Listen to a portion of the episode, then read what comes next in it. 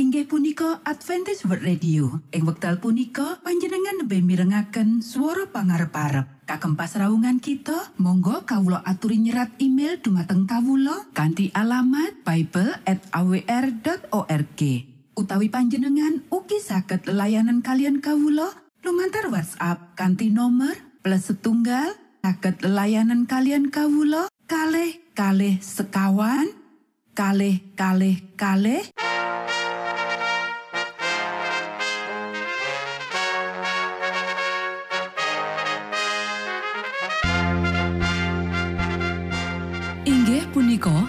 Adventist World Radio ingkang giaran kanti basa Jawi. Tentrem Rahayu kula aturaken kagem para mitra kinasih ing pundi papan lan panggonan. Sugeng pepanggian malih kalian Adventist World Radio. Kanti bingahing manah Kulo badi sesarengan kalian poro mitra kinasi. Lumantar saperangan adicara ingkang sampun rinonci. Mligi kagem panjenengan sami. Mugi giaran punika saged migunani tuwin dados berkah kagem kita sedoyo. Sugeng midhangetaken Gusti amberkahi.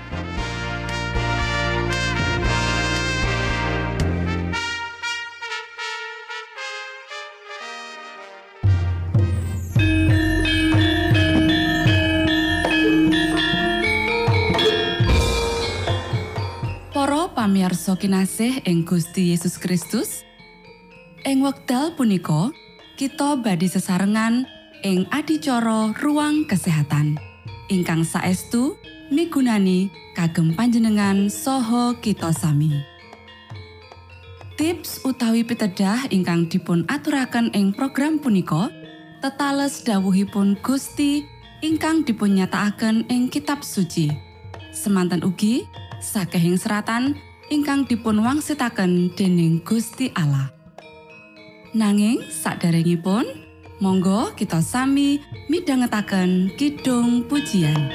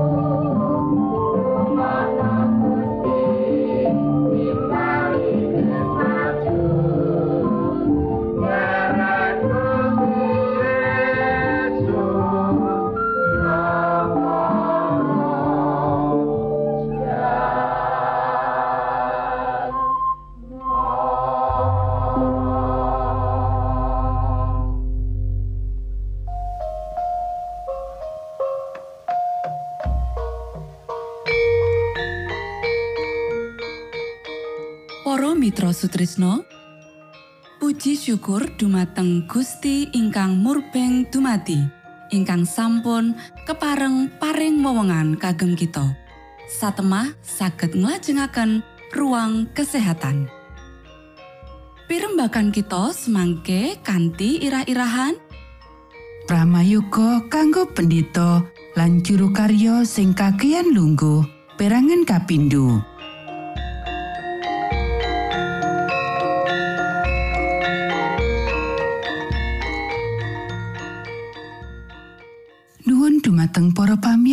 ingkang dahat kinurmatan sugeng pepanggian malih kalian kula Isti Kurnaidi ing adicara ruang kesehatan. Ing dinten punika kanthi irah-irahan Pramayuga kanggo pendito lan juru karya sing kakean lungguh perangan kapindho. Para sedherek ingkang kinasih wong bisa takon Opo sesambungane iki karo rapat dinas sesambungane raket banget. Akibat saka pakulinan mangan sing salah, kagawa menyang rapat dinas. Otak iku dipengaruhi dening kahanan weteng. Weteng sing ora teratur ngasilake kahanan pikiran sing ora teratur uga lan ora tamtu. Weteng sing wis loro ngakibatake kahanan otak sing loro. Bab iki asring gawa wong ngungkapake panemu sing salah lan asipat nentang. Kawicaksanan wong kaya iku kanggone Gusti Allah ya iku kebodohan. Aku ngadepake bab iki dadi sawijining sebab saka kahanan akeh rapat dinas lan patemon. Ing endi maneka warna masalah perlu ditimbangake kanthi teliti nanging ora banget dikatekake nganti keputusan dicupuk kanthi kesusu. Asring dumadi menawa diperlokake kategasan sakjroning sawijining bab, anggota rapat mutusake bab-bab sing negatif nganti swasana owah babar pisan sakjroning rapat iku. Kabeh akibat kaya iki wis bola-bali dituduhake marang aku. Aku ngadepake masalah iki saiki amarga aku entuk dawuh kanggo ngandhakake marang sedulur-sedulurku ing bagian pamomongan. Menawa ora tarak sakjroning papanganan kowe mapanake awakmu ora pantes kanggo nonton kanthi cedha bedane antarane geni sing suci lan geni sing lumrah. Kanthi perlakuan iki, kowe uga nyatakake menawa kowe minangka wong sing ora ngejeni amaran sing wis diparingake Gusti marang kowe. Sabdane nyatakake marang kowe mangkene. Sapa panunggalanira kang wedi asih marang Pangeran Yehua lan ngrungokake swaraning abdine? Menawa dumunung ing pepeteng lan ora kasorotan ing cahya cik ben percaya marang asmane sang Yehua tuen suminde marang Gusti Allah. Opo kita ora nyedaki Gusti supaya panjenengane milu jengake kita saka kabeh masalah tarak sakjane bab mangan lan ngombe lan kabeh nepsu daging sing ora suci lan saka kabeh piolo Opo kita ora ngasorake diri ing ngersane Gusti Allah? Sinambi nyisihake kabeh sing rusak badan lan roh supaya sakjroning wedi asih marang Gusti Allah kita bisa nyampurnakake kasucian tabiat. Para sederek ingkang kinasih para pandito kita ora cukup ngatekake pakulinan sakjroning bab panganan Piyambake kakean mangan lan kakean werna panganan saben mangan Saperangan ya iku reformator nanging mung sakjroning jeneng. Piyambake ora nduweni pepakon kanggo ngatur panganan nanging manjakake selera lan mangan woh-wohan lan kacang-kacangan ing antarane jamangan. Kanti mangkono, piyambake mapanake pemotan sing kakean sanduwure alat pencernaan. Saperangan mangan ping telu setino, sedeng ping pindho mangan setino luwih nyokong kesehatan fisik lan rohani. Menawa angger-angger sing wis ditetahake Gusti Allah kanggo nguasani badan iku dirusak, mula hukumane mesti bakal ditindakake. Matur nuwun, Gusti amberkahi.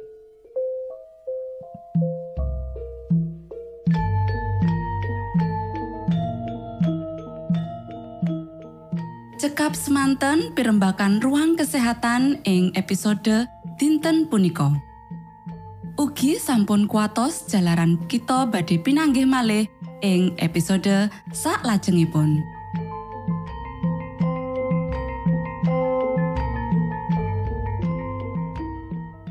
Inggih punika adicara ruang kesehatan.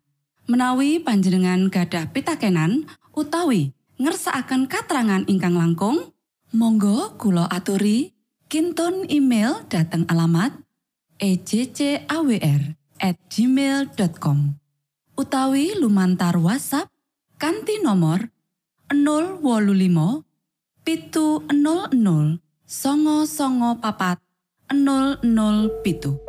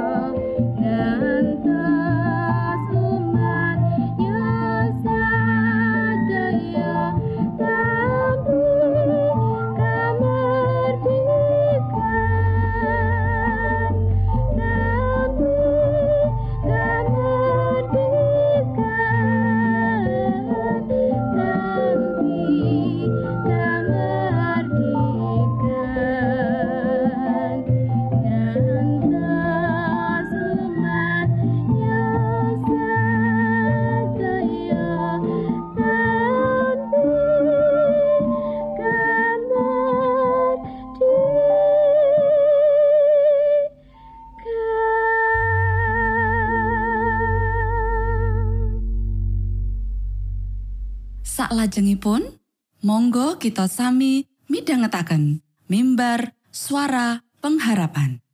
Angkatna piri kanthi pawarto Sang Kristus paderamu. Pro umat samyo puji asmanyo Sang Kristus paderamu. Inggih punika mimbar suara pengharapan. Ing episode punika kanthi irah-irahan. Tino-tino olo. Sugeng tondo Sang Kristus paderamu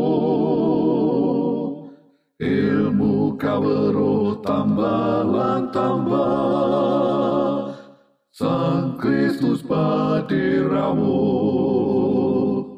paderamu paderamu Sang Kristus paderamu Shalom para sedherek ingkang kinasih wonten ing Gusti. Sakmenika kita badhe mitangetaken renungan Sabto pangandikanipun Gusti.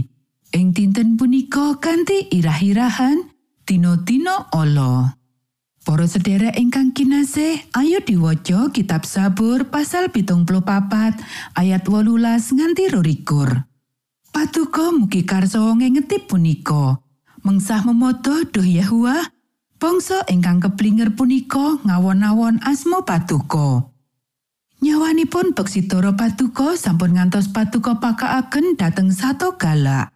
Patuko mugi sampun ngantos kelajeng-lajeng kesupen dhateng nyawanipun para tiang kagungan Patuko ingkang katindes. Patuko mugi enget dhateng prajanjian Patuko amargi papan-papan ingkang peteng ing bumi punika kebak susah panganiaya. Tiang ingkang siniosio sampun ngantos wangsul kanthi wirang. Tiang ingkang kasangsaran sarta tiang ingkang mlarat supados sami ngalembono dhateng asma Patuko. Duh Allah, Patuko mugi karsawa jumeneng sarta nindakaken pangadilan Patuko. Mugi karsawa enget dumateng panacatipun para tiang ingkang kaplinger dumateng Patuko satinten muput punika. Para sedherek ingkang kinasih, Sang juru Mazmur mbudidaya kanggo mangerteni pasulayan gedhe antarane Gusti Allah karo panguwasa piolo. Lan para juru Mazmur nuduhake marang kasabarane Gusti Allah kang tanpa winirasa sarta kawicaksanan lan kasektene Gusti Allah kang tanpa winates. Masalah piolo ing kitab Sabur utamane ya iku masalah teologis. Iki ana kekayutan karo pitakonan bab Gusti Allah. Semono uga bab karusaan Yerusalem lan pateleman suci, katon utamane minangka skandal ilahi amarga menehi wewengan kanggo wong-wong kafir kanggo nyawiya Gusti. Warisan Allah umat Israel iku pratandha saka pamilihan lan prasetyane Gusti Allah. Pangandaring Toret pasal papat ayat telung loro nganti telung wolu, pasal telung loro ayat wolu lan songo kang ora bakal wurung. Konsep warisane Gusti Allah uga kebak karo dimensi pungkasan jaman. Awit sawijining dina, sakabeh bangsa bakal dadi warisane Gusti Allah lan bakal nglatosi Gusti Allah. Panggagas yen para bangsa nempuh warisane Gusti Allah ngancam janji ilahi iki. Para sederek, ora ana pitakonan. Sang juru Mazmur ngakoni yen dosa para umat ngrusak sesambungan prajanjian karo Gusti Allah lan gawa konsekuensi marang umat. Sabur pasal pitung songo ayat wolu lan songo. Keselamatane manungsa mung gumantung ing campur tangan sih rahmati Gusti Allah lan pulih talenan prajanjian lumantar panebusan dosa. Gusti Allah ingkang mengku karahayon kawula sing nutuhake kasetyane Gusti Allah marang prasetyane. Sabur pasal pitung songo ayat songo. Ananging, kang luwih wigati ngungkuli pulie kasugiyane bangsa Israel ya iku pambelane karaktere Gusti Allah ing donya. Sabur pasal pitung songo ayat songo. Menawa tumindak piolo para bangsa ora kaukum, bakal cedha menawa Gusti Allah wis kelangan panguasane. Sabur pasal pitung papat ayat wolulas nganti telu likur, pasal wolung telu ayat pitulas nganti songolas, lan pasal 106 ayat petang puluh pitu. Mung nalika Gusti Allah nyelametake umate, asmane bakal kabenerake lan kaluhurake. Para sederek, kaya dene ing mangsa saiki, prinsip kang padha ana uga ing kala biyen. Dosa-dosa kita, kamurtatan kita, piolo kita, ora mung nggawa alane awake dhewe, nanging luwih ala maneh marang Allah kang asmane kita akoni. Tumindak kita kang luput, uga bisa menehi pengaruh karohanen kang rukekake menggawe paseksi lan misi kita. Piro wong kang wis kepaten pangandele awit saka tumindake wong-wong kang isih ngakoni Sang Kristus Yesus? Monggo kita sami ndedonga.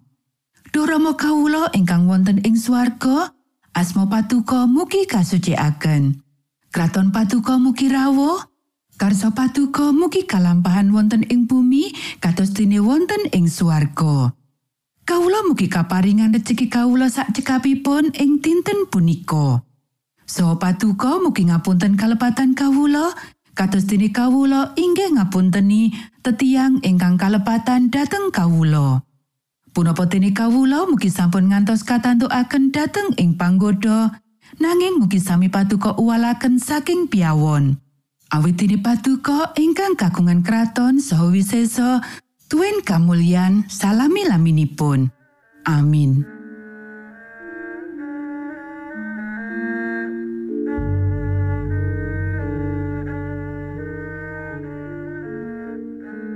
Para Mitra Sutrisno pamiarsa kinasih ing Gusti Yesus Kristus.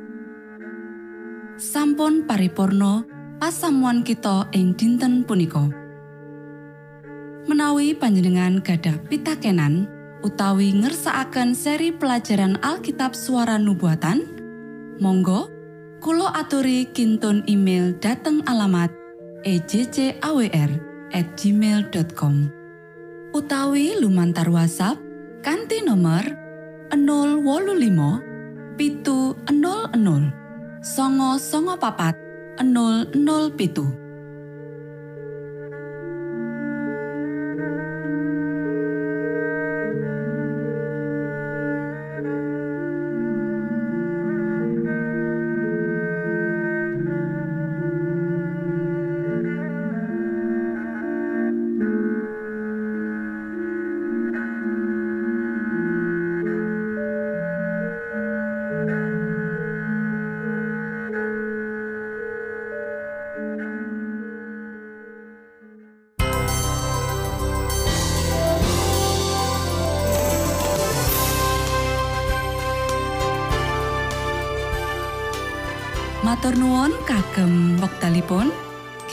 badhe pinanggih malih ing gelombang ugi wekdal ingkang sami.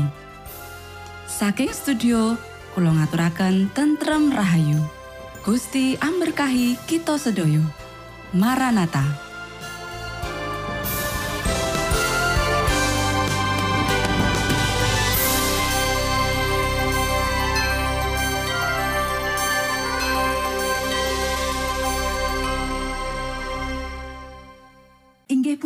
Adventist World Radio. Ing wekdal punika panjenengan lebih mirengaken swara pangarep-arep. Kagem pasraungan kita, monggo kawula aturi nyerat email dumateng kawula kanthi alamat bible@awr.org. Utawi panjenengan ugi saged layanan kalian kawula lumantar WhatsApp kanthi nomor plus setunggal saged layanan kalian kawula kalih kalih sekawan kalih kalih kalih